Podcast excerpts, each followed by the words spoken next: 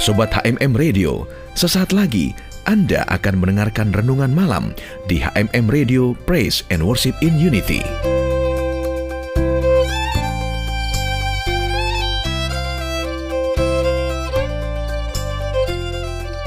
Shalom Sobat HMM Radio. Kita jumpa lagi dalam program Renungan Malam. Sobatku malam ini kita akan merenungkan topik Kairos atau waktunya Tuhan. Karena bicara waktu Tuhan ini sangat penting. Mungkin dalam usaha bisnis kita ada banyak kesempatan. Tapi kalau belum kairos atau waktunya Tuhan, bisa-bisa kita tidak dapatkan, belum berhasil. Apa sih arti kairos itu? Kairos adalah suatu kata Yunani kuno yang berarti saat yang tepat atau yang benar. Lalu ada istilah kronos mengacu pada kronologi atau urutan waktu.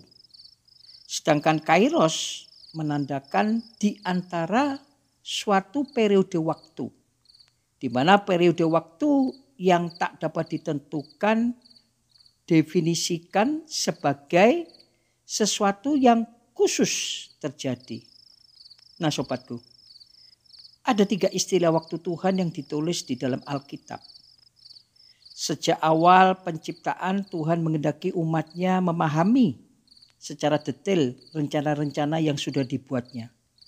Termasuk waktu-waktu yang telah ditetapkan dalam agenda Tuhan untuk segala sesuatu. Tidak salah bila Tuhan juga adalah pribadi yang sangat detail dan tepat waktu. Sebagian besar orang mungkin belum pernah tahu bahwa Tuhan pun membagi jenis waktunya ke dalam tiga istilah yang tertulis di dalam Alkitab. Yang pertama adalah waktu kronos. Yang dimaksud kronos adalah waktu yang biasa, yang selalu ada. Kronos adalah waktu yang dapat diukur dengan jam, hari, tanggal, bulan, tahun, dan sebagainya. Baik sebagai waktu jangka pendek seperti sekejap mata, maupun jangka panjang seperti puluhan tahun. Kronos dapat juga dimengerti sebagai deretan peristiwa dan kemungkinan yang terjadi dalam hidup manusia. Oleh sebab itulah kita sering mendengarkan kata kronologi.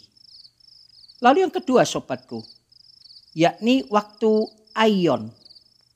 Kata aion dipakai untuk menunjukkan entah waktu yang lama sekali atau waktu yang tanpa batas. Oleh sebab itu waktu aion dipakai tentang waktu ini yang mulai dengan penciptaan dan berakhir dengan kedatangan Kristus yang kedua kali atau juga tentang waktu kekekalan yaitu waktu tanpa batas dunia ini dan dunia yang akan datang. Yang diterjemahkan dengan kata dunia adalah aion. Sobatku ini bisa dibaca dalam Efesus 1 ayat yang ke-21. Lalu yang ketiga, waktu kairos. Nah, kata kairos berbicara tentang periode tertentu. Kalau waktu itu sudah lewat tidak akan kembali lagi. Roma 5 ayat yang ke-6. Oleh sebab itu waktu kairos berbicara tentang kesempatan dan momentum yang ada di waktu-waktu tertentu. Nah, sebagai contoh di dalam Galatia 6 ayat yang ke-10 dikatakan demikian. Karena itu selama masih ada kesempatan bagi kita, marilah kita berbuat baik kepada semua orang. Tetapi terutama kepada kawan-kawan kita seiman. Sobatku, artinya kalau kesempatan tidak digunakan, maka waktu atau kairos akan hilang. Kalau kita tidak cermat, kita akan kehilangan kesempatan. Sebab itu kita harus memperhatikan waktu pintu terbuka dan waktu pintu tertutup. Alkitab berkata, apabila ia atau Yesus yang dimaksud membuka, tidak ada yang dapat menutup. Apabila ia menutup, tidak ada yang dapat membuka. Wahyu 3 ayat yang ketujuh. Nah sobatku, ada waktunya Tuhan membuka pintu masuk bagi kita dalam sebuah kesempatan Bila mana kita tidak masuk, maka pintu akan tertutup. Pintu itu biasa saja, sebuah kesempatan. Atau maksudnya pintu itu bisa saja sebuah kesempatan. Baik yang datang mungkin juga cuma sekali saja. Jadi perhatikan kairos yang Tuhan berikan. Jadilah peka kita semuanya, bijaksana, berani mengambil keputusan, namun tidak terburu-buru. Atau kita semuanya akan menyesalinya. Nah sobatku, di dalam bisnis atau pekerjaan kita, kita perlu peka dan belajar kairosnya Tuhan. Dalam pengkhotbah 9 ayat yang ke-11, ini terjemahan firman Allah yang hidup. Ditulis demikian, dengarkan sobatku. Ada satu hal lain yang kulihat di atas bumi ini, yaitu bahwa orang yang paling cepat larinya tidak selalu menang dalam perlombaan. Yang paling kuat tidak selalu menang dalam pergumulan yang bijaksana tidak selalu dilimpahi makanan. Yang pandai tidak selalu kaya. Dan yang berpengetahuan tidak selalu berhasil. Semua itu bergantung pada tempat dan waktunya yang tepat. Sobatku, ini pasti bicara kairos. Ayat ini sangat menghibur tapi sekaligus menusuk. Orang punya tendensi atau kecenderungan untuk berusaha menjadi yang terbaik. Paling cepat, paling kuat, paling bijaksana, dan mungkin paling berhasil.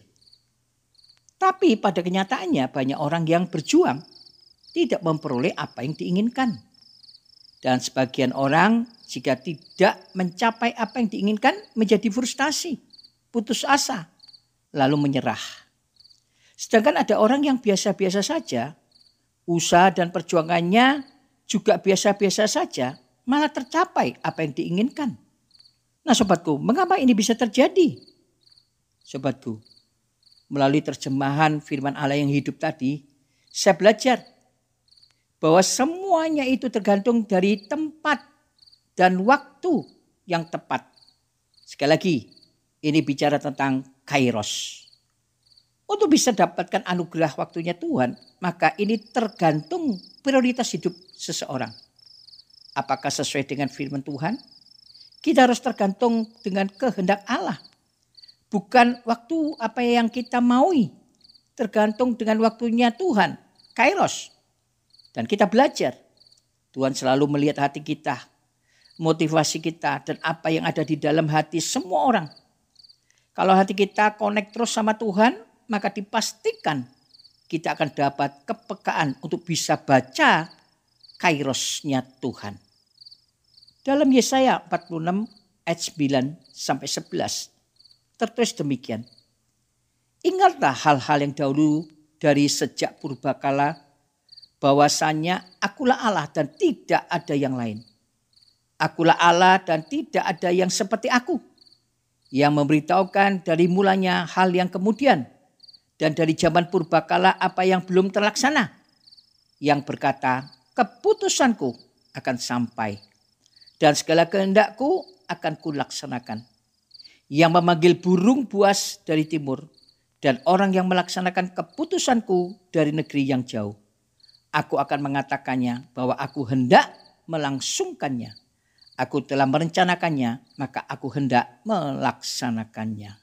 Sobatku, Tuhan itu akan melaksanakan apa yang diinginkannya sesuai dengan waktunya dan Tuhan selalu bertindak sesuai dengan responnya kita. Ia dapat mengubah rencananya untuk membantu kita mencapai tujuan sesuai dengan yang digendakinya. Seperti GPS sobatku.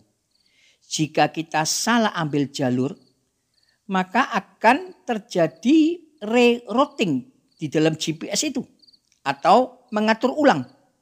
Memberitahukan jalur yang baru yang akan membawa Anda dan saya ke tempat tujuan yang benar yang dikendakinya. GPS-nya Tuhan adalah firman Tuhan atau Alkitab. Hidup harus sesuai dengan firman Tuhan. Dan itu sama dengan kita sedang mengikuti arahannya Tuhan. Tuhan akan bekerja. Haleluya. Pasti kita akan arahnya tepat dan tempat dan waktunya kita akan terima kairosnya Tuhan. Sobatku, Kiranya renungan malam ini memberkati kita. Mari sama-sama kita berdoa dengan menundukkan kepala kita masing-masing. Bapa yang kami sembah di dalam nama Tuhan Yesus, kami bersyukur buat renungan malam ini. Bapak selalu mengajarkan kepada kami bahwa hidup dan usaha kami sangat bergantung kepada waktu atau kesempatan dari Tuhan. Orang yang paling cepat larinya tidak selalu menang dalam perlombaan. Yang paling kuat tidak selalu menang dalam pergumulan. Yang bijaksana tidak selalu dilimpahi makanan. Yang pandai tidak selalu kaya. Dan yang berpengetahuan tidak selalu berhasil. Ya Tuhan, semua ini bergantung pada tempat dan waktunya yang tepat. Ini sangat bergantung kairosmu dia Tuhan. Karena itu sekarang kami lebih banyak mengerti lagi. Usaha kami akan menjadi sia-sia jikalau kami tidak sepenuhnya bersatu dengan Engkau Tuhan. Ya Tuhan Allahku, beritahukanlah kepada kami kesempatan dan momentum yang sedang kami nanti-nantikan dan kami yakin tidak akan lama lagi pergumulan kami akan dijawab oleh Tuhan. Kesempatan yang kami nanti-nantikan Tuhan akan beritahukan kepada kami kairos waktunya. Sehingga kami mencapai keberhasilan. Dan kesempatan itu emas bagi kami yang kami nantikan. Tuhan terima kasih buat malam yang indah ini. Terima kasih buat hati Tuhan. Buat segala kasih Tuhan. Kami dibuatnya lebih lagi untuk sungguh-sungguh dengan Tuhan. Dalam nama Tuhan Yesus, kami sudah berdoa dan mengucap syukur. Haleluya. Amin. Amin. Selamat malam sobatku. Sampai jumpa dan Tuhan Yesus memberkati.